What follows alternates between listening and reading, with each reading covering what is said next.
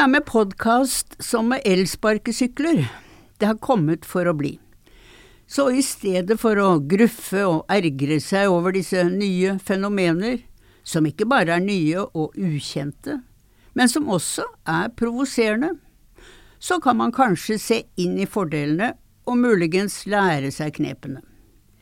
Det blir aldri elsparkesykkel på meg, jeg er for gammel i kroppen.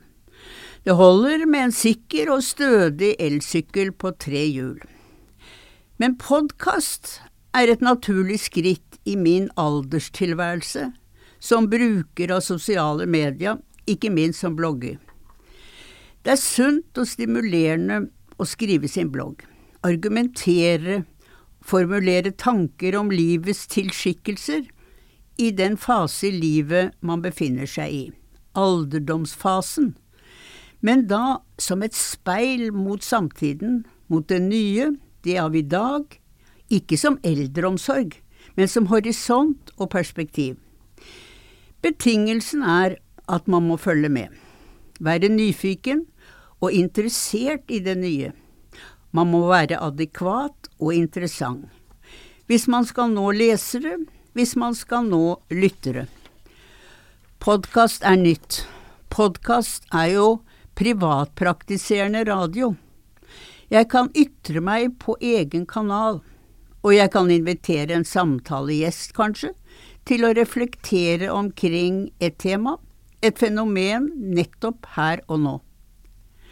Jeg vil ta tiden på pulsen, sett med 82 års erfaring, tenke høyt, enten for meg selv eller som nevnt en gjest i min radio. Det er en side ved podkast som bekymrer.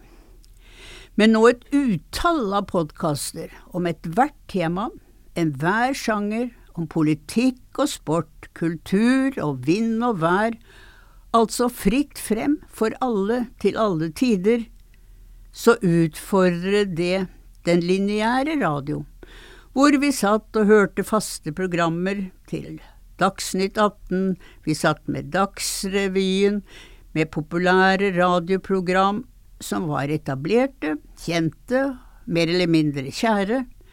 Nå er det altså fritt frem å finne en podkast, være fra Dagbladets ankerkommentator, fra Economists lederskribent, til morofolk, som frimerkeeksperter osv., osv.